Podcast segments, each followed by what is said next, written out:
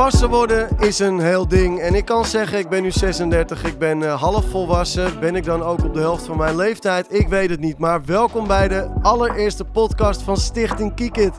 En vandaag gaan we opvoeddilemma's oplossen van ouders over pubers. Het thema is alcohol. Ik heb experts, ik heb een Kiekit jongerenpanel, ik heb een sidekick die zelf nog jong is. Want pubers, wat zijn ze vervelend, maar oh, oh, oh, wat zijn ze leuk. En ik zit natuurlijk niet alleen in de studio, want ik heb een fantastische sidekick en dat is... Ik ben Noah, 19 jaar. Ik werk bij Stichting Kiekit als acteur, dus ik ga langs de school om een voorstelling te spelen. Maar wie ben jij eigenlijk? En ik ben Aart en ik werk al zes jaar bij Kiekit.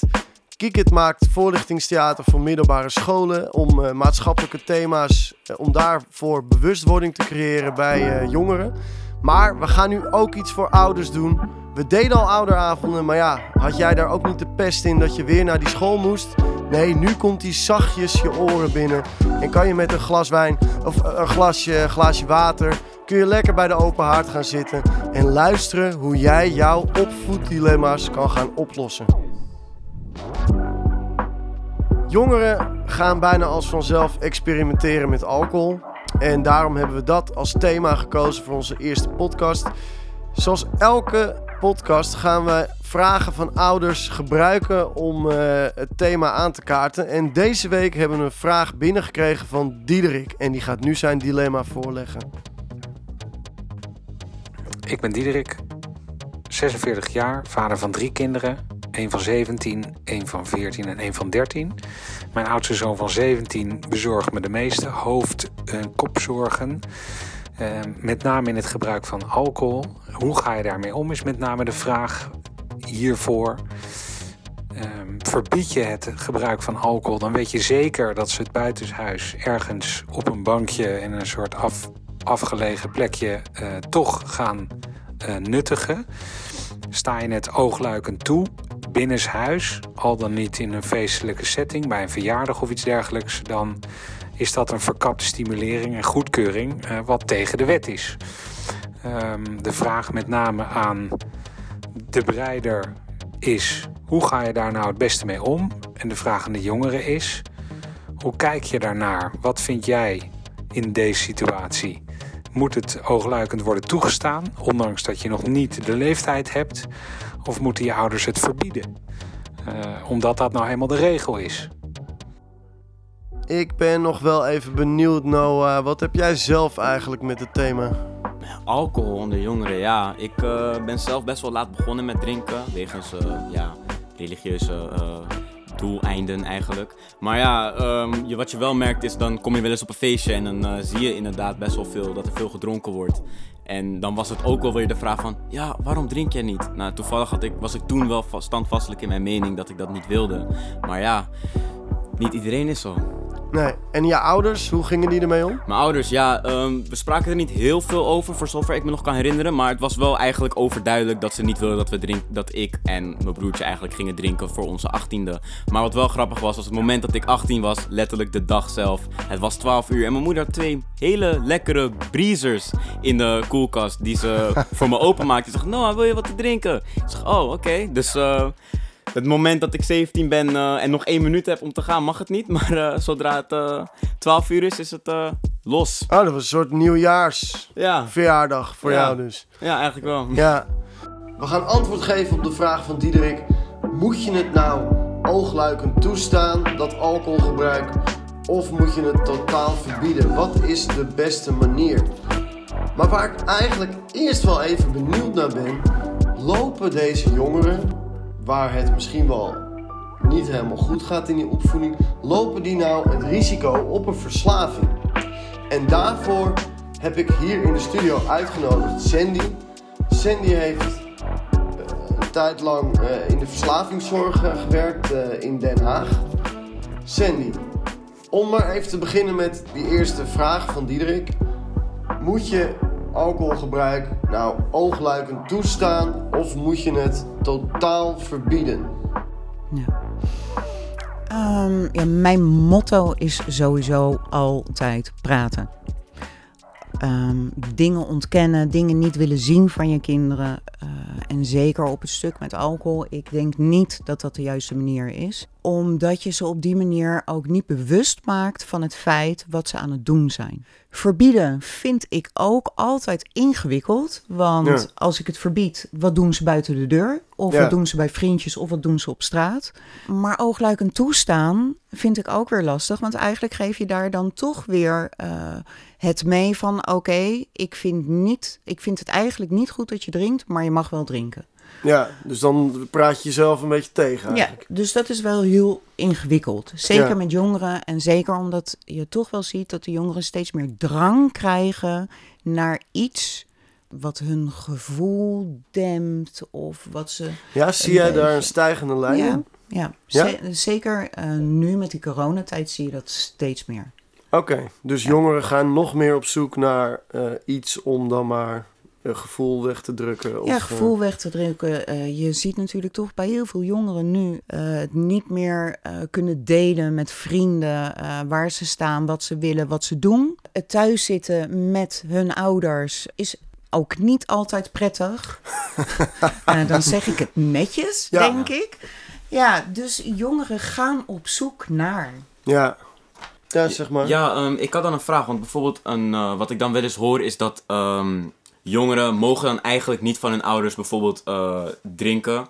Maar wanneer de ouders er dan achter komen dat ze het toch doen, in plaats van dat ze dat onderdrukken, dan zie je soms wel eens een ehm, situatie waarin ze dat dan toelaten in de zin van. Oké, dan eh, kan je wel met mij drinken. Of ehm, dat ze eerst helemaal niks mochten. En wanneer ze erachter komen dat het mag, dat het ineens is van... eh, oh ja, heb je ook zin in een biertje of heb je ook zin Je in een wijntje? soort opvoeddrinken krijg je dan. Ja, hoe, Hoe, wat vindt u daarvan? Ja, ik ben daar zelf geen voorstander van. Ik ben zelf meer van maak afspraken met je kind. Maar hou je daar ook aan. En niet wanneer je toch ziet dat iemand drinkt. Ga daarover in gesprek. Herinner weer aan de afspraken. En ga daarvan uit weer door met elkaar. Consequent zijn. Maar, Consequent. maar zijn, eh, is nou bijvoorbeeld, eh, een, eh, als jouw kind al vroeg drinkt, ik zeg 14 jaar, Mhm. loopt jouw kind meer risico op een verslaving? Ja. Oké, Ja. en hoe komt dat? Omdat het brein nog niet volgroeid is. Ja. Dus het brein die slurpt met name de alcohol naar binnen. En zeker op bepaalde fronten van het brein. En daardoor wordt ook de verslavingscomponent wordt uitvergroot. Ja, En dat maakt dat die kinderen veel sneller een verslaving aangaan. Je zei dan van, ehm, maak als ouder dan afspraken met je kind. Mhm. Maar hoe, hoe werkt dat in de praktijk? Als ik naar eh, mijn eigen kinderen kijk, ik heb zelf een eh, zoon van 25 nu en een dochter van 18. Ehm, je zit er middenin.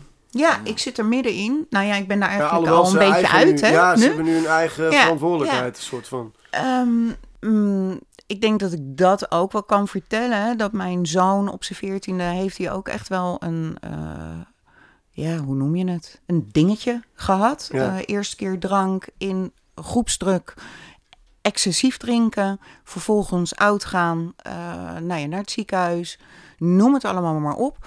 En wat wij daarna hebben gedaan, is eigenlijk alleen maar praten.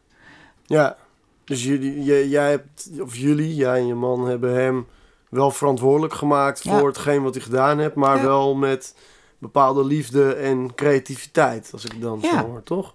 Ik denk dat het belangrijk is ten alle tijden dat je naar je kind kijkt. Wat heeft die op dat moment nodig? Ja, Veroordelen is altijd het makkelijkste wat er is.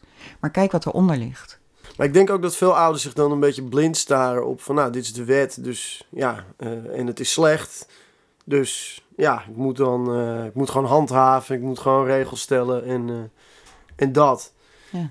Maar ja, dan loop je natuurlijk tegen de lamp, want ergens gebeurt er iets. Ja. Of hè, de, tenminste, ja. dan denk ik dat bijna Ik heel veel kinderen gaan, gaan dit gewoon doen. Dat klopt. En hoe maak je dan die swim? Want je bent altijd heel streng en dat geweest. Ga je dan eh, aan de keukentafel eh, praten, praten, praten. Ja. Dus sommige jongeren vinden het lastig om tegenover ouders te zitten. Want dat is wat er dan gebeurt. Hè. Ik ga tegenover mijn ouders zitten en dan hebben we een gesprek. Dan is de vibe daar al van: oké, dit is niet goed, want mijn Nee. ouders gaan mij terechtwijzen. Die heb ik ook gehad, eh, zo'n gesprek. Ja. En dan kan het inderdaad heel prettig zijn om bijvoorbeeld samen met je ouders naar de dierentuin te gaan of de hond uit te eh, laten of naar het strand of noem het op te gaan. En dan een gesprek aan te gaan. Ja. Je geeft je kinderen voorlichting. Je, je- als ouder doe je heel veel voor de kinderen. ja. Ik denk, hè, daarin ten alle tijden is het aan het kind zelf wat hij daar verder mee doet. Hoe lastig dat ook is. Ja, loslaten dus. Ja, dat stukje zal je los moeten laten. Ja. Maar wel, de consequentie is, wanneer ik het zie, wanneer ik het merk, wanneer je het aangeeft, dan gaan we er wel over in gesprek. Ja. Want wat maakt nou dat je toch weer dat drankje pakt? Of wat maakt nou dat je Mhm. toch vanuit groepsdruk of vanuit socialisatie toch een drankje neemt? Wat zit daaronder? Wat, wat zit daarachter? Ja.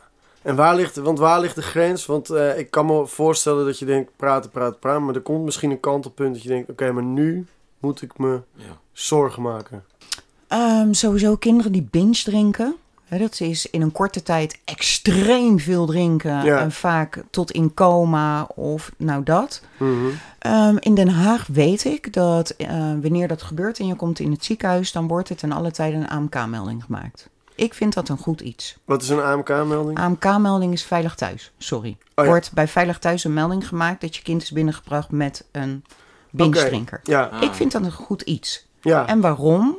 Omdat je op dat moment inderdaad, hè, eh, je bent er als ouder zelf bij, maar er komt ook een andere partij ingevlogen om samen te kijken wat heeft jouw kind nou nodig. En ja, mijn advies is, weet je, als jij als ouder denkt van, goh, dit gaat niet de goede kant op met mijn kind vanwege alcohol, Mhm. je kan altijd preventief naar verslavingszorg, klinieken. eh, nou, er zijn tegenwoordig heel veel verslavingselementen. Bellen. Gewoon een adviesgesprek Vraag eigenlijk. advies. Ja, En ehm, dan had ik wel een vraag, want ik was daar wel benieuwd naar. Je kind wordt dan geboren. Mhm. Kan je op dat punt, vanaf dat punt, al een bepaalde opvoeding hanteren, zodat je het makkelijker wordt om met je kind te praten? Hmm. Wow, dat is een hele lastige Die gaat diep. vraag. Ja, dat is een hele lastige vraag. ja, dus eigenlijk, ja, dat is wel een goeie. Want moet je inderdaad al dat, eh, dat is eigenlijk een soort van eh, houding. Dat je altijd al praat Ja. met je kind, inderdaad. Ja, ik denk dat wanneer een kind eenmaal begint met praten, eh, praat met ze. Kinderen, jongeren kunnen over het algemeen wel praten over wat ze zien, wat ze gewoon visualiseren. Maar het maakt het vaak lastig. Wat gebeurt er nou van binnen? Ja, dat reflecteren eigenlijk, hè? Ja, Ja. en wat doe ik? Hè, het is eh, eh, echt wel een kracht van een jongere wanneer je met een jongere in gesprek kan gaan en uiteindelijk ook de vraag kan stellen van, joh, maar wat had jij daar nou anders in kunnen doen? Ja. Ik had tot slot ook nog wel even een vraag. Want eh, je hoort ook vaak van... eh, ja, maar kijk, eh, ik kan niet verslaafd raken, want ik ben niet verslavingsgevoelig. Mhm. Be- bestaat überhaupt verslavingsgevoeligheid? Ja. Of kan iedereen echt kan iedereen verslaafd worden? Ehm, iedereen heeft wel een, een verslavingscomponent. Kijk, sowieso, als je ouders hebt die bijvoorbeeld verslaafd zijn, dan heb je veel meer kans tot. Ja. Hoe komt dat dan? Zit dat in je Dat genen? zit in je genen. Oké, ja. Dus die krijg je automatisch mee en ben je makkelijker verslaafd. En wat je tegenwoordig ook steeds meer ziet, toch, hè, wetenschappelijk onderbouwde onderzoeken, hoe jonger de kinderen beginnen met drinken, hoe meer ze eh, eh, een draagvlak gaan creëren intern voor verslaving. Hmm, ja. Oké, dus jong beginnen met iets, alcohol, Maakt andere middelen. Alcohol, drugs. Later kan je andere dingen dus ook heel ma- veel Ja, makkelijker veel tot makkelijker Ja, komt het dan binnen. ja. En is er dan nog wel zoiets als gezond gebruiken? Eh, ja, ik ben hulpverlener, dus eh, gezond gebruik bestaat niet. Nee, precies. Nee. Maar gezond gedrag rondom. Gezond gedrag qua van. alcohol. Ja, weet je, eh, tuurlijk, ik drink ook wel eens een wijntje. Ja, Eh, maar ik drink een wijntje eh, wanneer ehm, vriendinnen er zijn, dan drink ik een wijntje. Door de week drink ik niet. Ehm, weet je, probeer het, hoe lastig het ook is, toch tot iets, wel iets speciaals te maken. Ja, en niet sociale een- eigenlijk. Ja. En niet een dagelijkse noodzaak. nee. En is er iets voor mensen die dan wel moeite hebben met dat vol te houden? Wat kunnen zij dan doen om het dan toch wat minder moeilijk voor ze te maken? Ehm, ik denk dat als je daar al bent, hè, dat je het lastig vindt, Mhm. sowieso gesprekken. Ja. Maar ik denk ook wel dat je dan moet gaan kijken van, joh, heb ik niet ook nog iets anders nodig dan alleen gesprekken met mijn ouders? En wat kan iets anders zijn? Ik denk dat het dan wel goed is als je bijvoorbeeld gaat kijken naar een stukje verslavingszorg. Hè, dat hun preventief al in kunnen spelen op. Ah. Ja, preventief doen we natuurlijk eh, sowieso al heel veel. Hè. Dat komt Ja. natuurlijk ook vanuit de overheid. Eh nou ja, alle verslavingsklinieken, eh, die hebben ook wel overal posters hangen. Doen veel voorlichtingsavonden. Ehm, wat doen ze nog meer? Nou, stel dat je hebt inderdaad een probleem, dan meld je je aan. Dan, gaan, dan krijg je een gesprek en dan samen in dat gesprek ga je met je behandelaar dan kijken wat heb ik nodig. Heb ik inderdaad nodig dat ik eh, alleen maar gesprekken aanga? Ja, Dat van kan. die kind-ouder gesprekken, toch? Van Ja. die, eh, ja, Ja. die intakegesprekken Ja, bij bijvoorbeeld intakegesprekken. Breider of Tactus of eh, Ja. welke organisatie dan ook actief is in Ja. gemeente. Ja. En daarvan uit wordt dan gekeken, wat heb jij nodig? Ik ben ook wel benieuwd, is een verslaving nou toch echt een probleem van dat specifieke middel? Of is het toch een emotioneel gedragsprobleem? Ben je echt verslaafd aan alcohol omdat je alcohol zo ontiegelijk lekker vindt? Of omdat je het lekker vindt om je emoties weg te, weg te drinken of te weg te... Ja, dat ligt natuurlijk eh, een- dat, dat ligt een beetje anders. De mensen raken verslaafd, lichamelijk verslaafd aan de alcohol. Dus die hebben ze nodig. Ja, dan uiteindelijk. Maar wat doet de alcohol? En dat is de andere verslaving. Dus in principe moet je twee verslavingen dan aangaan. Je moet, eh, hè, Mm. die alcohol moet eruit. De detox noemen Ja. ze dat. Maar daarna begint eigenlijk pas het lastige stuk. Want dan moet je gaan werken aan jezelf. Want waarom neem jij alcohol? ja. En wat dan- zit daar dan weer onder? Waarom je die alcohol neemt? En hoe kan je dat op een andere manier ehm, je brein voeden of je lichaam voeden zonder de alcohol, maar toch dat gewenste gevoel te Ja. krijgen? Oké, nou dan heb ik toch nog een laatste vraag. Moeten ouders zich druk maken als hun kind experimenteert met drank? Ja, blijven praten. Dat is het. Weet je, het is voor mij heel lastig. Ja, ik ben echt van mening, wanneer jij ziet dat je kind gebruikt, misbruikt, wat dan ook, ga met ze in gesprek. Want Ja. dan, kan, dan pas kan je ook inschatten als ouder hoe groot het probleem is. Ja. En stel, het is heel weinig. Ik bedoel, eh, elke week Maak afspraken. een drankje. Ja, precies. Maak afspraken met je kind. Ga kijken hoe kunnen we er met elkaar voor zorgen dat jij je ook aan die afspraak kan houden. Wat heb je daarvoor nodig? Top.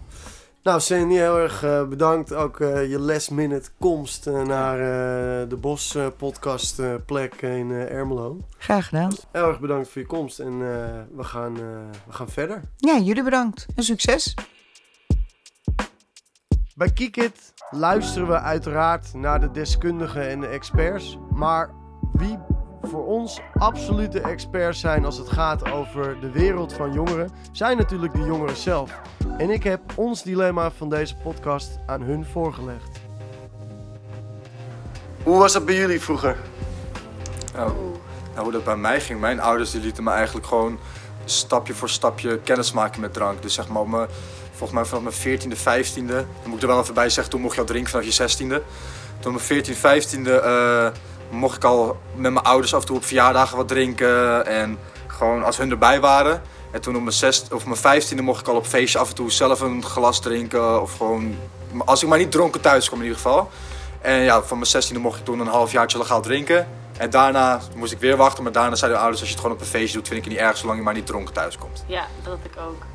Ik, had sowieso, ik ben de jongste thuis. Ik heb twee oudere zussen, dus die hebben wel een beetje de weg vrijgemaakt, zeg maar, zo gezegd. Maar ehm, ja, altijd gezegd, oké, als je wilt drinken, doe het dan eerst bij ons. Zodat wij weten hoe of wat. Ehm, en ja, ik kom uit een dorp, dus daar is sowieso wel normaal om op een wat jongere leeftijd te drinken, denk ik. Tenminste, bij ons in de buurt wel.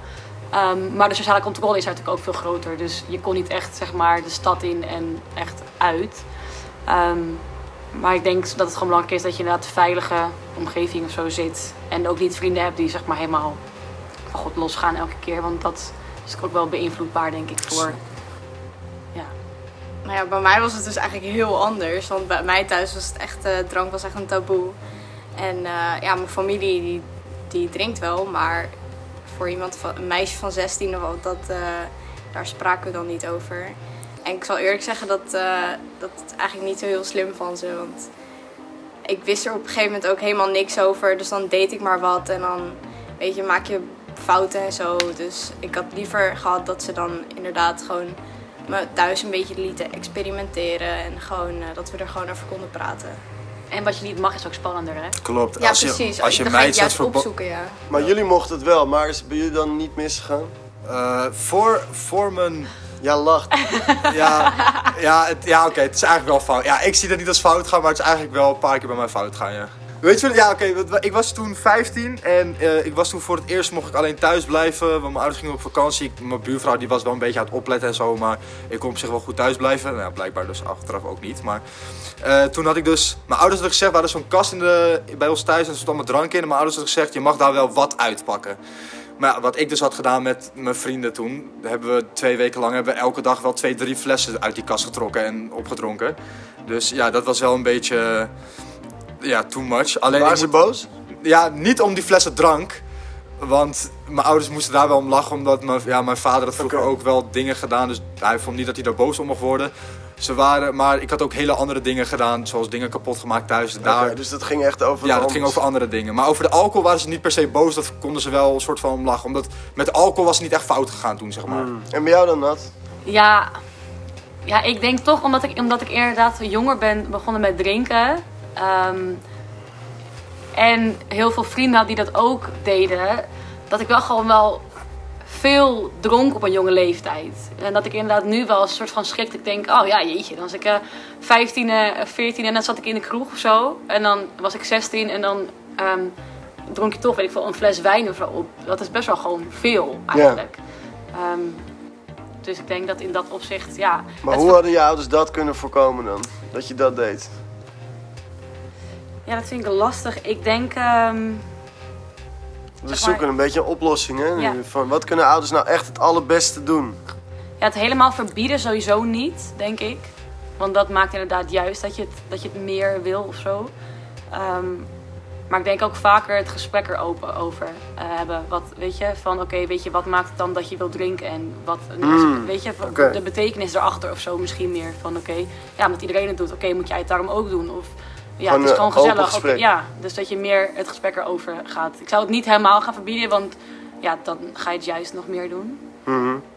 Ja, en als je dat gesprek aangaat, maak er niet een heel ding van of zo. Maar doe het een beetje casual Ja, gewoon. onder het eten of zo. Ja, precies. Ja. Een beetje, eh, Want als je, als je gaat zeggen van, hoe nou, is het weer? nou Ja. zoon, ga eens zitten. We moeten het even hebben over drank. Als mijn Ja. ouders zo naar me toe waren gekomen, dan had ik iets van, Ja. ja. ik ga jullie nu niet vertellen wat jullie willen weten. Nee, Maar dan is het al zo'n soort van, oké, jullie willen gewoon informatie over Controle, mij. Ja, precies. Jullie ja, willen gewoon ja. controle hebben. moet een beetje op een casual manier. Ja. eh. Oké. Nou, thanks. Ja, geen, eh, geen bedankt, geen dank. Ja, hier in het chaletje zitten we lekker warm. Het, eh, het haartje knispert lekker, al is het elektrisch, maar het geeft wel die, eh, die echte warmte. En we zitten hier natuurlijk eh, samen in de studio, Noah en ik. En eh, toen ik deze podcast ging bedenken, dacht ik, oh ja, voor die eerste aflevering kunnen we maar één iemand vragen. En dat is natuurlijk Marion Kooi van Breide Jeugd. Die kon hier niet in de studio aanwezig zijn, maar ik heb er hier op mijn eh, iPhone 11 heb ik er even onder een eh, microfoon geschoven. En waar ik nou echt benieuwd naar ben, Marion, is... Hebben we in Nederland een probleem als het gaat om alcoholgebruik onder jongeren? Hoe groot is dat probleem?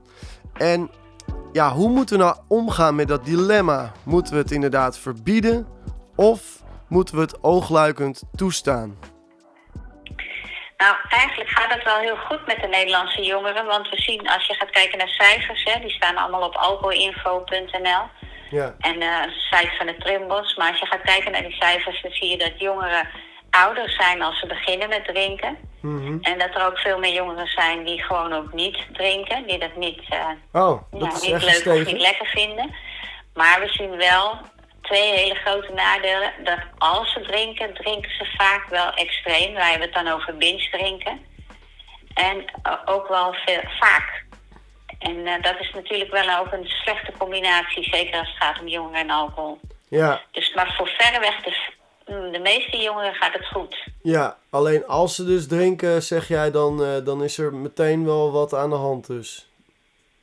Nou, er hoeft niks aan de hand te zijn, maar de, de, de grenzen die zijn eh, nou, slecht te vinden. En hoe En, komt... eh, bijvoorbeeld jongeren die nemen zich voor van ja, ik, ik ga drinken, maar ze nemen zich niet voor om in, met een coma in het ziekenhuis terecht te komen. En dat gebeurt mij nog wel iets te vaak, laat ik het zo stellen. En is er een reden dat er eh, in de afgelopen tijd dan wel minder gedronken wordt, maar zeg maar dat men- minder mensen drinken, maar als er Mhm. gedronken wordt, dat er heel veel gedronken wordt? Ja, er zijn verschillende verklaringen voor. De ene verklaring is dat ehm, ouders zich meer bewust zijn van de risico's. Dus er zijn meer ouders die grenzen stellen en die ook duidelijke afspraak maken met hun, eh, met hun kinderen. Dus dat is goed. Maar je zou kunnen zeggen, de brave rikken worden nog iets braver, maar de rebelse jongeren die worden nog iets rebelser. En waarom ze dan eh, juist zo extreem veel drinken, dat heeft mogelijk ook te maken met een soort ja, bereikbaarheid van allerlei sterke drank. Nou, wat ik regelmatig hoor is jongeren die wodka drinken of die Bacardi drinken. En je ziet, ze hebben zelf nog niet zo die rem en dat besef dat het dan eh, veel harder kan gaan als dat je bijvoorbeeld met bier begint of met wijn. En komt dat dan omdat bier en wijn sinds die wet naar 18 is gegaan, dat dat een beetje in, de, in dezelfde categorie valt? In hun beleving? Of, of is dat, heeft nou, het daar het is niks mee gewoon te wat maken? makkelijker ook. Stel je wil eh, drinken, je mag het niet, maar je gaat, eh, je spreekt af met een aantal vrienden van ik ga, we gaan even naar het park en we nemen, weet je, je neemt dan niet een kratje bier mee onder je arm. Maar een fles Bacardi, dat gaat dan veel makkelijker. Ja, tenzij je natuurlijk sporten en drinken wil combineren, dan is een kratje onder je arm natuurlijk wel eh, een goed idee. Dan zou ik zeggen, doe vooral de kratjes. Maar Ja, het zijn ook niet altijd de sportieve rikken die dat willen, dat drinken. hey, en eh, hoe, eh, maar hoe, eh, dus eigenlijk is het goed en slecht nieuws, maar doen wij, Ja. doet Nederland het nou goed ten opzichte van andere landen? Ja, het gaat wel de betere kant op. Want we waren tot zeg maar vijf jaar geleden waren we echt de koplopers. Hè. Er werd bij ons eh, in Nederland door jongeren echt veel meer dan in het buitenland nog gedronken. Nou, die koppositie die zijn we inmiddels kwijt. En we gaan echt steeds Ja. meer naar de middenmoot. Maar we zitten nog steeds wel bovenaan in de middenmoot. Maar het, het daalt. Maar toch, Ja. ben ik toch wel benieuwd hoe dat dan komt. Is dat, eh, ja, die wet is natuurlijk één ding, maar is er gewoon meer aandacht voor preventie? Nou, wat mij betreft altijd nog veel te weinig. Echt veel te weinig. Maar er is wel meer. En er is meer bekend. En er is, mensen kunnen ook makkelijker aan een informatie komen. Ja, En je ziet ook wel dat er gewoon nu een nieuwe generatie is van ouders. ehm, die gewend is om zelf even makkelijk wat dingen op te zoeken. En je komt toch heel makkelijk op de site van de Trimbos of op de site van. eh, ik zag net nog even iets voorbij komen van Erik Scherder over Oh ja, eh, het ja. nieuwe brein en dergelijke. Weet je, dus de informatie is goed bereikbaar. ja oké. Dus daar heeft het mee te maken. Maar wa- wat ik wel altijd met dat, eh, dat hele onderzoeksgebeuren vind. Ik, eh, eh, ehm, dat, dat, we onderzoeken natuurlijk wat we weten en wat zichtbaar is. Maar Ja. zie, je, zie je niet ook dat. Want als ik mensen om me heen spreek, dan zijn ze altijd verbaasd dat dat, dan, dat, dat zo is. Hè? Dat het gedaald is en eh, noem maar op. Maar is, Ja. er, is er bijvoorbeeld niet. eh, is zijn bijvoorbeeld softdrugs of harddrugs, is dat dan eh, in verhouding tot dat gestegen? Of, of kun je dat niet zo zeggen? Of weten we dat gewoon Ja. niet? Ja, als ik heel eerlijk ben, ben ik daar wel wat bang voor af en toe. Want ik zie wel dat bijvoorbeeld, ehm, nou, als je mij vijf jaar geleden had gevraagd van komt eh, bijvoorbeeld eh, gebruik van MDMA, ecstasy, komt dat in het voortgezet onderwijs voor? Dan zou ik zeggen, nou, incidenteel. Dat laatste zou ik nu niet meer zeggen. Nee. En als we het hebben over blowen, zie ik wel dat het wel veel te gewoon is geworden. Ehm blowen lijkt wel bijna voor sommige mensen alsof het gewoon roken is. Weet je wel? Het is heel makkelijk, het is bereikbaar, het is goedkoop. Dat geldt natuurlijk ook voor die andere drugs als ecstasy is natuurlijk ook hartstikke goedkoop. Weet je, dat maakt het wel dat de bereikbaarheid veel groter is. Ja. Maar wat het belangrijkste is bij als je regelmatig bloot, en dan heb ik het over meer dan een gram in de week, dus een drie of vier jointjes, dan bouw je een spiegel op van THC en CBD, dat zijn de werkzame stoffen van wiet. En wat daar een groot nadeel van kan zijn, is dat je voortdurend te relaxed bent, te ontspannen. En daarmee wil ik zeggen dat je je motor op halve kracht zet. Dus mensen die heel regelmatig blowen, dan zien we dat ze nou niet zo gemotiveerd zijn meer om naar school te gaan of om dingen op school ehm, uh, op tijd te gaan leren of tijd, op tijd dingen in te leveren. En dan denken ze heel snel van nou, maakt er niet uit. Dan ga ik toch. Uh, Je wordt vanmorgen nog twee jongens van het VWO die zeggen, nou dan ga ik toch naar de HAVO. Nou ja, dat, dat zijn. Dat is echt, dat zie je bij regelmatige blowers. En dan hoef je helemaal nog niet verslaafd te zijn. Nee, dus het is niet eens excessief eigenlijk. Nee, Tussen nee en in hun beleving al helemaal niet excessief. Ze vinden, ze zeggen, ja, ik doe het toch niet dagelijks, dus er is toch niks aan de hand, waar hebben we het over? Ja. Het natuurlijk eh, ook een beetje bij de leeftijd om te denken dat je, eh, dat je alles onder controle hebt en dat dat allemaal wel prima gaat. Ja. Ja, Maar is dat dan ook een soort van... eh, dat, ja, dat zal dan toch ook met een voorbeeldfunctie misschien te maken hebben. Of dat ze denken, nou, het, het komt toch allemaal wel goed. ja.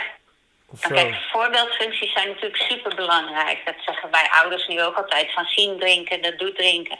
Als je als ouder elke dag drinkt en als je als ouder elke dag laat zien dat je eerst even een biertje moet drinken als je uit je werk komt, omdat je anders niet eh, aanspreekbaar bent. Weet je, dan geef je daar wel een bepaald signaal mee af.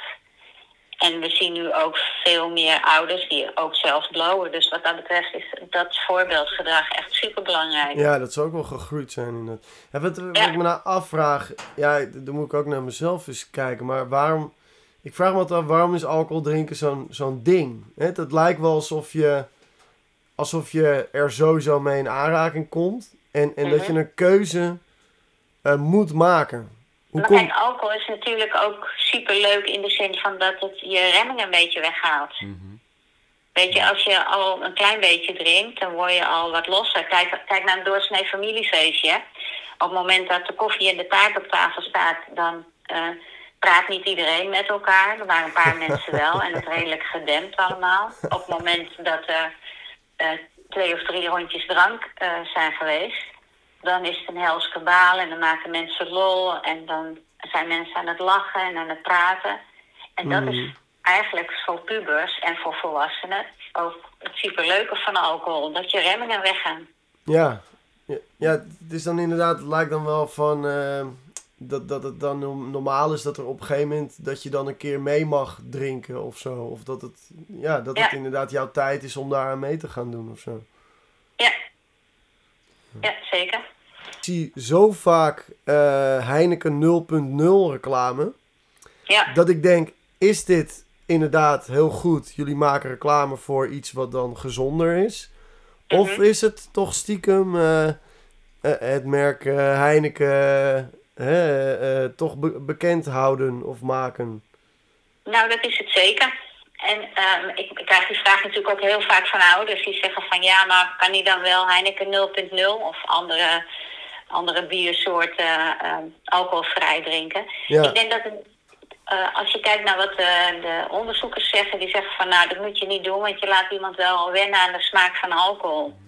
ja, En als iemand, eh, of aan, de smaak van bier moet je dan zeggen, hè, dan, daar wen je daar al aan. En je kan bijna tegenwoordig die 0.0 niet onderscheiden van, ehm Nee, het, wordt, van gewoon bier. het wordt steeds beter. Het wordt steeds beter, ja. En dat is natuurlijk voor volwassenen die niet willen drinken en moeten rijden hartstikke goed dat het steeds beter wordt. Ja, Maar voor jongeren eigenlijk niet. Want je leert ze zo op dat moment wel drinken. ja. Ja, en dat je is wel waar. en je maakt ze al vertrouwd met het merk en, en nou, Ja. de stoerigheid ervan. Ja, Ik merkte dus bij mezelf, want ik doe dus af en toe een maandje niet drinken. Dat, ja, Mhm. dat vind ik lekker. Ehm, maar wat wij dan wel doen, is, eh, is 0.0 drinken. Dus eigenlijk eh, eh, hou je dit- dat, dat sociale drinken hou je een beetje in, hou je aan. ja, En ik, ik kan er wel soms denken, oh, ik zou nu toch wel echt een biertje lusten. Maar op het moment Mhm. dat ik zit en eenmaal die 0.0 eh, aan mijn mond heb ge- gehad en een slokje heb genomen. Nou, dan begin ik nu echt wel dat, dat drinken dan te vergeten of zo.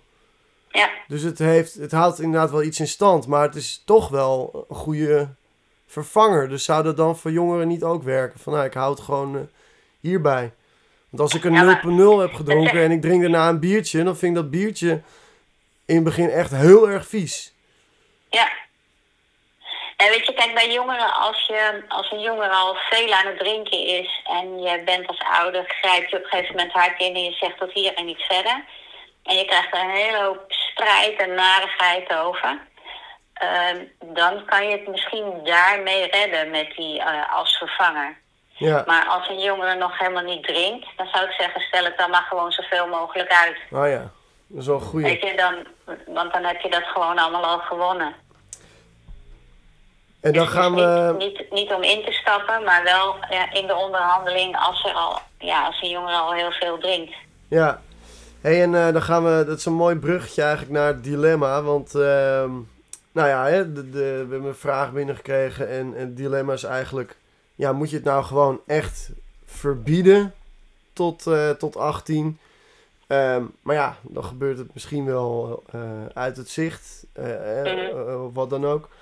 Of moet je het oogluikend toestaan? En, en het probleem dan is dat je dus eigenlijk tegen de wet ingaat. En, en ja, welke boodschap eh, geef je daarmee af? Wat, ehm, hoe sta jij daarin?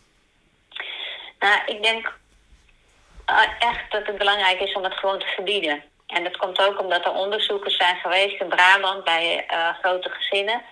Eh, grote hoeveelheden gezinnen. En dan zeiden ze tegen de ene groep eh, ouders van... verbied het maar gewoon. En nou, maak duidelijke afspraken eh, over, over niet drinken... en tot je achttiende niet drinken. En tegen de andere groep ouders zeiden ze van... nou, misschien kan je kind leren drinken en proberen te begeleiden. En zo wees zoveel mogelijk open en bespreek het. En die manier. En wat bleek na een aantal jaren, is het geloof ik dat het onderzoek liet, dat die eerste groep ook wel dronk, maar veel eh, minder vaak en minder heftig. En bij die tweede groep was het echt veel gewoner om te drinken. En dronken de jongeren ook niet alleen vaker, maar ook veel meer per keer. Dus vandaar dat ik zeg van probeer ehm, je er echt op te richten dat je zegt van nee, tot je achttiende niet. Punt. Nee, maar ik kan me ook wel voor... Ja, Ja? nee, eh, zeg maar, maak maar af. Nou, ik denk dat ik ga zeggen van wat jij wil vragen. Kijk, als je thuis daarmee een enorme eh hok met herrie hebt, dan maakt het natuurlijk ook of heel veel ruzie daarover. Het maakt natuurlijk ook uit of zit je kind goed in zijn vel en hoe gaat hij om met alcohol als je dan gaat experimenteren. We weten bijvoorbeeld voor jongeren die wat wij de trilziekers noemen, jongeren die altijd op zoek zijn naar eh, spanning en sensatie en, en uitdagingen die hebben vaak wat meer en wat duidelijke grenzen nodig dan bijvoorbeeld, ehm, ja, ik zie nu iemand voor me die heel ehm, nadenkend is en eigenlijk nooit impulsief eh, Ja. überhaupt zal gaan experimenteren, weet je. Dus dat maakt heel Mhm. erg uit van wat voor kind heb je. Heb je een impulsief kind? Ja, Heb je een kind wat voorop loopt? Of heb je een kind wat juist een meeloper is? ja. Maar stel In nou... onderzoeken kijk je natuurlijk altijd naar de grote groep. Maar jouw Ja, kind kan misschien net aan de ene of de andere kant eraf vallen uit die grote groep. ja. Maar, maar stel nou... ehm, je, je, dus verbieden is eigenlijk wel dan eh, het advies. Maar, Ja, maar, maar stel nou, je verbiedt het, maar je weet... Ik, ik, ik, nou, ik denk even terug aan mijn ouders. Die hebben Ja. ongetwijfeld eh, een hoop eh, gezien eerder dan dat ik dacht dat zij het wisten. Ja. Ehm, maar ja, doe je dan inderdaad net alsof je het dan niet weet en eh, hou je dat verbieden in toom? Mhm. Of ja, hoe ga je er daar dan mee om? Want Nou, je moet wel degelijk laten merken dat je het weet. En je moet ook zeggen wat je ervan vindt. ja, En of dat consequenties heeft, dat hangt heel erg af van, eh, van sowieso je opvoedmethode. Weet je, in het ene gezin wordt echt ehm, ja, gestraft. Bijvoorbeeld ehm, jongeren die een mobiel in moeten leveren of die een weekend niet naar buiten mogen of, of nou, dat soort dingen. ja, En bij andere gezinnen is dat eigenlijk nog nooit gebeurd dat, eh, dat een kind echt op die manier gestraft is. Dus dan pas je een beetje aan op wat, wat normaal is, is in dat gezin. Maar je moet zeker laten zien dat je het gezien hebt, dat je het weet. En dat je het afkeurt. Dat je het niet wil. Maar ja, tot waar, waar, waar ligt dat? Want ik had, eh, nou, ik had toevallig met de acteurs eh, ook zo'n gesprek hierover. Van eh, hè, welke regels had jij nou thuis? En ja, de een hadden echt best wel strenge ouders. En de, de ander had ouders die liet het eigenlijk allemaal wel een beetje lopen. Of, of nou ja, die dachten, weet je, zoek het maar uit. Nou, nee, oké, dat gaat ver. Maar goed, wat, die waren er wat vrijer in, laat ik het zo zeggen. Maar die zijn nu allemaal rond de 2,23 natuurlijk. Maar ik, Mhm. zie, ik zie nu geen verschil tussen hoe zij nu omgaan met alcohol. Nee. Dus, dus het, het, het resultaat lijkt dan wel een beetje hetzelfde.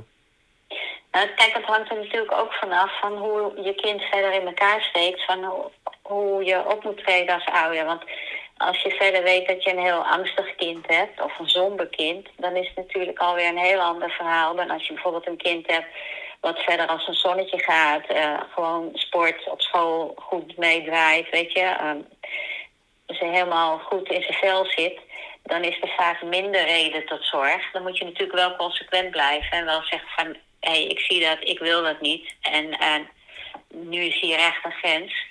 Mhm. En ehm, als er veel meer met je kind aan de hand is, dan moet je kijken of je niet echt veel harder in moet grijpen. En of er dan niet toch echt Ja. wel consequenties moeten zijn. Ja, dus het Wat, gaat... eh, wat voor consequenties dan ook. Hè? En wij willen het liefst altijd dat je dan een consequentie bedenkt die dan ook met het drinken te maken heeft. Want als je zegt van ja, je drinkt stiekem alcohol en daarom pak ik je mobiel af. Ja, dan is het al een beetje, weet je, dan is het eigenlijk nauwelijks een link. Ja, dan kan hij ook niet meer op Vivino eh, bijhouden welke wijn hij dan gedronken heeft. Nee, maar het is natuurlijk vooral voor ouders dat ze zien in de app contact van wie zorgt er voor de drank en waar gaan we naartoe om te kunnen drinken en eh, welke ouders zijn er niet thuis, zodat we daar kunnen gaan zitten. Ja, Dus dat is vaak de reden waarom dan ouders zeggen hier met die mobiel, dan is dat afgelopen. Ja, precies. Dus het is niet helemaal een gekke, gekke consequentie of zo. Nee, nee. En ehm, Maar- hoe, hoe kan je het eh, best reageren als ouder op iemand die dan eh, op een, eh, ehm, een kind dat dan begint met experimenteren met eh, drank en of softdrugs? Nou, kijk, belangrijk is om te vragen van ehm, wat, wat verwacht je van, eh, wat verwacht je van drank, wat vind je ervan? En weet je, als ouder zijn heel veel ouders zijn geneigd om heel erg te gaan waarschuwen. Je moet dat niet doen, want dan gebeurt er dit. Of straks raak je verslaafd. Of kijk naar ome die, die is ook verslaafd geworden, weet je wel. Maar eigenlijk is het belangrijker dat je je kind zelf aan het denken zet. Van als je drinkt, wat verwacht je daar dan van? En Ja. ehm, welke risico's zie je dan? En waar, ligt, waar zou jouw grens van liggen? Want ik wil dat je het niet doet. Maar jij zegt van ja, ik vind dat ik nou best wel oud genoeg ben. En want ik ben nou 16 en nou ben, mag ik heus wel een wijntje drinken. Ehm, vraag dan van waar, waar ligt dan de grens? En wat verwacht je dan van die, van die wijn? En soms is het ook belangrijk om andere ouders erbij te betrekken. Want mijn ervaring is dat eh, als er gedronken wordt en het loopt uit de hand, dan zijn ze altijd bij een ouder paar wat juist niet thuis was. Ja, Dus, eh, of juist bij een ouder paar waarvan die vinden van nou, het moet allemaal wel kunnen. En ik was zelf ook 15 en het komt wel goed. ja, En Ja. je, je zegt dan, eh, eh, wordt dan wel gezegd van ja, het is best om het alsnog te verbieden. En eh, Mhm. een consequentie die, als er tegenin wordt gegaan, een consequentie daarvan Mhm. is dan een consequentie die dan eh, met betrekking heeft tot het eh, bijvoorbeeld eh, drank of eh, softdrugsgebruik. Maar stel je Ja. voor, ehm, het kind lijkt daar geen gehoor aan te geven. Ja, dan is het dan op een gegeven moment wel zaak dat je wel gaat bedenken van wat voor consequenties kan ik doen. En het hangt er een beetje van af van wat er aan de hand is. Stel, je, je, je, laten we het bij drank houden, hè, want daar zouden we het vooral over hebben. ja, Stel je merkt dat je kind elk weekend eh, toch ergens heen gaat om, eh, om te drinken. En je hebt nou, al- ik weet niet hoe vaak gezegd dat je het niet wil hebben. En elke keer komt hij of zij toch weer eh, aangeschoten thuis of dronken thuis. Dan begint het al met het feit dat je als ouder de moeite moet nemen om je bed uit te komen. Om er te zijn als, als de persoon thuis is. En dan heeft zo'n gesprek op dat moment natuurlijk geen zin. Maar de volgende dag natuurlijk wel. ja, En dan kan je ook gaan kijken van nou, met wie, welke vrienden doe je dat nou? En hoe denken die ouders die dan over? Dus dat je echt probeert in gezamenlijkheid daar een beetje regels over te bedenken. omdat mijn ervaring ook is, is dat je, ja, mensen vinden het vaak lullig om te zeggen van ja, ik mag het niet. Maar aan de andere kant vinden ze het ook wel fijn als, als ouders heel duidelijk zijn van uh, het mag niet. Dus dat ze tegen vrienden kunnen zeggen van nee, ik mag nog niet drinken van thuis. Ja, dan kunnen dus, ze lekker de schuld afschuiven. Geeft ook duidelijkheid, hè? Ja, dat begrijp ik ook wel. Dat heb ik ook, ja. uh, uit eigen ervaring ken ik dat ook wel. Uh, dat je daar ja. dan denkt van, oh ja, ja, maar het mag niet van mijn ouders. En dat je daar heel standvastelijk in kan uh, zijn. Ja, gebruikte jij dat?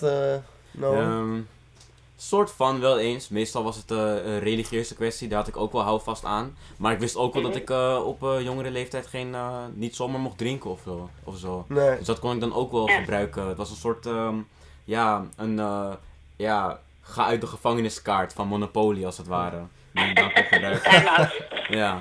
Ja, voor mij was het wel echt, juist omdat het dus stiekem, ja, omdat het niet echt mocht, dat het juist maar wel aantrok. Ja, ja mij, bij mij was het dan wel eerder dat het me afschrok. Maar dat laat dan ook weer zien dat het inderdaad verschilt per persoon. Ja, ja maar ik merk nu, ja, nu ben ik volwassen en uh, ik heb bijvoorbeeld, ik moet echt tegen vrienden zeggen, nee, ik ben een maand niet aan het drinken, dus ik neem niet. En als ik die ja. maand niet heb en ik heb toch voorgenomen om niet te drinken, dan heb ik het gewoon echt moeilijk om uh, nee te zeggen. Ja. ja. Daarom is het zo belangrijk om vrienden en vriendinnen erbij te betrekken ook. Ook voor jongeren. Zodat, ze, zodat het voor allemaal een beetje gaat gelden, weet je wel. En ja, dus dan, ja, wij als professionals kijken dan altijd van... nou, wie is de aanvoerder en wie, wie zijn de meelopers? Want als je eenmaal de aanvoerder van zo'n club voor ja. elkaar kan krijgen... dat hij of zij zegt van... Uh, nou, ik doe even wat minder, want uh, ik ga me wat meer richten op mijn studie of ik ga me wat meer richten op mijn sport, weet je. Ja. Dan, uh, dan heb je al heel veel gewonnen. Dus eigenlijk moet je een soort community opbouwen met ouders. Ja. Dat, ja. Tenminste, dat klinkt dan wel als iets wat goed, uh, goed werkt. Dan moet je er niet een soort gevangenisbewaardersclubje van maken, maar... Gewoon... heb je wel eens van het IJslandse model gehoord? Ja, zeker. Ja, daarom... ja, ja. Dat, dat, gaat, dat is heel erg gericht op die community, toch? Ja, ja, ja. En ook op dat kinderen wat te doen moeten hebben. Want dat is ook wel hoor. Dat zie ik ja. ook wel. Dat verveling heel erg uh, maakt dat ze uh, ook gaan experimenteren. Dus het is wel... Ja, soms maken uh, mensen wel eens opmerkingen dat kinderen tegenwoordig zoveel moeten. Moeten sporten, moeten muziek maken, moeten van alles. Maar het voordeel is wel dat als ze zich niet zo kunnen vervelen... dat ze ook minder aangetrokken worden tot experimenteren met drank en drugs. Ja, dus dat drukke programma heeft wel zijn voordelen, zeg je eigenlijk. Ja, zeker. Ja. ja. ja. En um, wat als... Um, dus we hebben nu een paar oplossingen gevonden. Maar wat als niks blijkt te werken vanuit de ingreep van de ouder? Wat kan die ouder dan doen? Nou, wij zeggen dan altijd van, uh, voor, zeker tegen ouders, van uh, meld je maar bij ons. En dan hebben we cursussen speciaal voor ouders. Die helpen om dat gesprek op gang te gaan. Want als niets helpt, dan is er meestal ook iets mis in de communicatie tussen ouders. En um, dat is wel belangrijk om naar te kijken. En soms is er ook iets met zo'n jongere aan de hand. Uh, en dan ja. verdient dat ook wel um, wat aandacht om te kijken van wat is er nou waardoor hij zo al die grenzen overgaat en waardoor hij dat uh, drank of drugs heel erg nodig heeft. Ja. Maar dat is inderdaad wel een goeie, want uh, wanneer stap je inderdaad op een, nou op bijvoorbeeld op jullie af, op een breider? Want als je inderdaad wacht tot, tot niks, is dat inderdaad totdat niks meer werkt? Wat binnen jouw macht ligt? Of doe je dat al eerder? Terwijl je daar misschien ook een signaal kan afgeven van... Uh, hey, het, is, het is nu heel erg of zo. Nou, kan... liever eerder. Ja, ja maar ik kan me voorstellen, dat, ik kan me voorstellen dat je dan als ouder denkt van... Ja, is het wel heftig misschien. Want ik ga nu naar een uh, verslavingszorg. Uh, of, of, of... Ja, nou, dat vinden de meeste ouders ook wel erg. Maar aan de andere kant benadrukken wij dus ook heel erg van... ja, maar wij zijn van de preventieafdeling. Dus we gaan komen we verzorgen ervoor dat je niet in die verslavingszorg terechtkomt eigenlijk, hè. Ja. En uh, dat is ook de reden waarom als ouders bij ons komen... Dat, er niet gelijk, dat ze niet gelijk ingeschreven worden en geen dossier krijgen, weet je. Dus dat okay, we ja. willen eigenlijk voorkomen dat het zo ver komt. Ja, want uh, ja, precies... Dus, dus wanneer zou jij adviseren van oké, okay, op dit punt is het wijs om toch eens naar de breider te stappen? Of Nou, als je tactus, als vanaf je hebt dat je echt niet meer weet wat je moet doen. Dat je met je handen in het haar zit. Dat je denkt van ja, ik heb, nou, ik heb het verboden. Ik heb het geprobeerd te reguleren. Maar ik heb eigenlijk alles al geprobeerd. Ik probeer te praten. Ik probeer streng te zijn. Ik heb misschien een opa of een oma al een keer ingeschakeld. Hmm, Eh, maar niets helpt. nee. Als je dat gevoel hebt, dan zou ik zeggen, kom zeker eens bij ons praten. Oké, ja. maar dat klinkt toch al wel dat je dan al misschien al wel ver bent. Ja, want ik weet dat de drempel voor ouders toch wel hoog is. Ja. Maar, kijk, daarom is het voordeel, vind ik, dat je nu eh, veel meer op internet kan vinden. Maar je ziet wel dat vooral hoogopgeleide ouders, die doen dat. Die gaan even kijken van, hey, alcohol en opvoeding en eh, al dat soort websites. En die kunnen dan zelf al heel veel aanpakken. Maar je ziet vaak dat ouders die ehm, nou, daar wat minder vertrouwd zijn met internet, dat die heel lang aanmodderen. Ehm, terwijl je ze eigenlijk al veel eerder, veel beter had kunnen helpen. Ja, Dus ik hoop gewoon dat die eerder de stap doen. En dat is ook de reden eigenlijk waarom wij bijvoorbeeld die ouderavonden deden. Hè? Om ook te laten zien van, hé, Mhm. als het niet gaat, ehm, weet ons dan te vinden. ja, precies. Ja, dat je zichtbaarheid creëert en de drempel verlaagt eigenlijk. Ja, en soms denk je even mee. En ehm, ik, wij merken ook wel eens dat soms van die hele overbezorgde ouders hebt. Die echt al helemaal in paniek zijn eh, als, als er één keertje met iets geëxperimenteerd wordt. Weet je, dus dan kan je ook zeggen van, nou ja, dan kan je ook weer uitleggen van, ja weet je, dit is vrij, vrij normaal gedrag. Eh, hier hoeven we niet wakker van te liggen. Nee, En ehm, blijf het volgen, hou vinger aan de pols, maar geen paniek. ja, Want dat is natuurlijk wel hè, voor ouders altijd belangrijk. Ehm weet je, je moet je kind wel, je hoeft er niet echt alle dagen over te hebben. Maar het liefst als je het erover hebt, een beetje losjes, een beetje met humor. eh, dan heb je al ongelooflijk veel eh, gewonnen. ja. Dus het is eigenlijk verbieden, maar ook wel het gesprek aan blijven gaan. Ja, Over het, en waarom, blijven volgen. over het Ja. waarom dan, denk ik. Sorry, wat zei ik laatst? Over het waarom eh, je het verbiedt. En je moet als ouder ook de leuke kanten van drank inzien. Want als, als een jongere zegt van ja, maar weet je, als ik, als ik gewoon even wat gedronken heb, dan ja, dat vind ik gewoon chill. En dan kan ik gewoon lekker kletsen en dan kunnen we gewoon een beetje lachen en zo. En eh, nou, daarom doe ik dat. Dan kan je als ouder wel zeggen, ja, maar jij bent toch een hele leuke jongen. Jij kan toch ook, eh, jij kan toch ook gewoon zonder eh, drank of drugs heel gezellig zijn en leuk zijn. Ja, Ja, weet je, dan is het gesprek al gelijk weer afgelopen. ja. Mhm. Dus, dus je moet dan eigenlijk erkennen van, ja, nou ja, dat is misschien wel zo. Ja. En toch Ik mag kan, het ik kan me niet. heel goed voorstellen dat het voor jou zo is. Dat kan ik me heel goed voorstellen. Ja, Ja. En dus- Maar dan probeer je te kijken naar de balans van, eh, ja, wat levert het je op en wat kost het je eigenlijk? Want eh, hoe, hoe doe je dat als ouder als je zelf ehm, op de leeftijd van de jongere die dat doet ook hebt geëxperimenteerd of misschien zelfs dezelfde situatie hebt gehad als het kind eh, dat nu heeft? Want als kind kan ik begrijpen dat je dan denkt van ja, maar eh, jij, jullie hebben het zelf ook gedaan en nu willen jullie ineens tegen mij zeggen dat het niet mag. Ja. Ja. En toch zeggen we altijd van ja, eh, tegen ouders natuurlijk kan je je eigen eh, ervaringen wel als voorbeeld gebruiken. Um, je moet alleen altijd oppassen dat je het niet, te- niet te grappig en niet te stoer vertelt, weet je wel. En ook dat het een evenwichtig verhaal is. Van ja, maar juist omdat ik dat gedaan heb, heb ik van geleerd. En en ik begrijp dat jij dat ook moet leren, maar dit zijn mijn ervaringen. En Ja. ja, soms moet je respecteren of hij er wel of niet wat mee doet. Maar maar ja, dat is het gevaar met het hele onderwerp. Ook als wij het dan in de klas bespreken. Van ja, het wordt toch al snel een grappig of eh, dan wel stoer verhaal. Ehm, Ja. ja, dat, is, dat is natuurlijk best wel moeilijk. Hè? Want ik, ik, ik, ik, eh, ja, ik denk dat je als ouder heel erg die verantwoordelijkheid voelt. mhm. En dan denkt, nou ja, dan, dan kan ik het beter niet doen. Ja, of je bent, of je bent dus veel te makkelijk. En dan komt het, dan komt het te, te mooi over, inderdaad. Dat is best wel een Ja. moeilijke, moeilijke balans. ja, dat is het ook. Maar het is niet onmogelijk hoor. Ik denk dat je als ouder daar eh, best op een goede manier over kan praten. Kijk, wat het kernwoord is, is dat wat die jongere doet, dat je dat serieus neemt en dat je oprecht geïnteresseerd bent in je kind.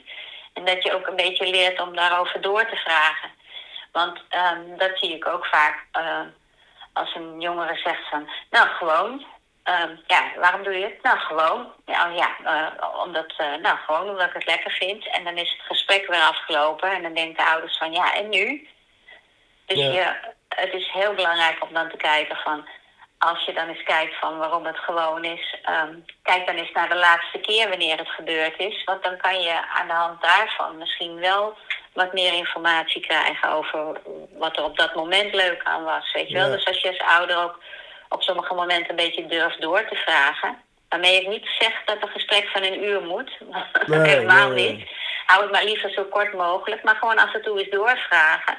Ja, En als je niks hoort over ehm, van het kind zelf, dan kan je ook eens doorvragen over wat doen je vrienden en wat zie je daarvan. En waarom denk je dat zij eh, dan drinken en hoe zit dat dan? Weet je, dat je probeert op die manier ook weer een stap te zetten. Dan ga je een beetje met een omtrekkende beweging om de weerstand heen, zeggen we dan. ja. Hey, tot slot, eh Marion. Ik heb, eh, Oh. ik heb nog twee, twee vragen eigenlijk. Ik, ik ben wel even benieuwd uit jouw werkveld. Wat is nou de slechtste regel van ouders die je hebt gehoord als het ging over eh, alcohol? Nou, de, de, de slechtste is, die zal je misschien vaker gehoord hebben, van als ik erachter kom dat je het doet, dan breek ik je beide benen. Oh ja, ja. Ik had En- een, en dan vriend, gaat het er niet om dat, die, dat die, die eh, benen echt gebroken worden. Dat weet die jongeren ook wel. Maar dan gaat het wel omdat je dan dus nooit meer wat hoort. Ja, En dat het nog veel stiekemer gebeurt dan dat, je, dan dat het waarschijnlijk al gebeurt. Dus dat is misschien wel de slechtste. dus dreigen eigenlijk. Ja, Dreigen is Ja. het allerslechtste wat je kan doen. ja. En, eh, en, en, eh, en de beste? Ja, dat vind ik wel. Dat vind ik moeilijk om in een zin te vatten. Maar ik denk wel altijd oprecht geïnteresseerd zijn en niet zeuren. Ja, ja, ja niet dat, eh, dat, eh, oh ja, ja, dat whinen van, eh, oh, heb je nou weer gedronken of zo? Ja, ja, en dan maar doorgaan. En waarom nou? En waarom doe je dat dan? En maar doorgaan en maar doorgaan. En eigenlijk je gelijk willen halen als ouder. Ja, Want ehm, ja, dan, dan raak je ze ook kwijt. Oh ja, maar dan stellen we weer wat je niet moet doen. Maar wat je dan wel moet doen, ja, dat is dus toch humor, oprechte interesse. ja, En blijf je kind kritisch volgen. ja, dus tot slot, eh, Diederik stelde ons een vraag van zijn, en vooral zijn oudste zoon van 17, nou ja, die veel drinkt en experimenteert. Mhm. Wat, wat kunnen we hem eh, als advies geven, wat jou betreft? Nou, ik, eh, belangrijk is, choose your battles. Kijk waar je echt een punt van maakt. Zeker als iemand 17 is. Kijk waar je echt een punt van maakt. En kijk waarvan je denkt van, nou ja, oké, dat gebeurt. Maar ehm, ik wil het niet. Maar ja, ik heb het kennelijk niet meer in de hand. En dat je dingen ook soms een beetje kan laten. Ja, maar wel in gesprek blijven. Ja, Super. Oké. Marion, eh, ik wil je heel erg bedanken. ja, we hebben jou trouwens niks te drinken aangeboden. ik heb maar- hele goede verzorging hier thuis. Ah, Oké, gelukkig. Nee, maar dat, eh, dat is dan eh, gelukkig eh geschäft. Ja, Ehm, nee, heel erg bedankt voor je tijd. En ehm, ik denk dat we, nou, dat we hier veel aan hebben gehad. Dankjewel. goed. Nou, succes. En ehm, wie weet, spreken we elkaar weer. Ja, sowieso, sowieso. Oh.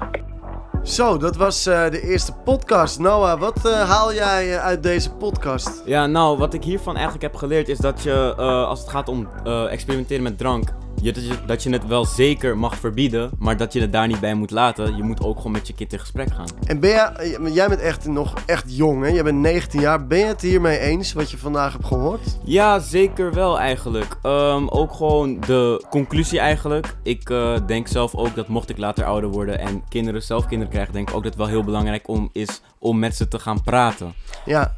Wat ik ook mooi vond, en jij stelt die vraag ook aan Sandy, van...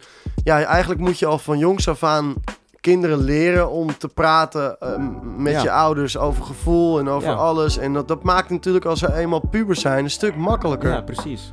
Ja. Ja, super.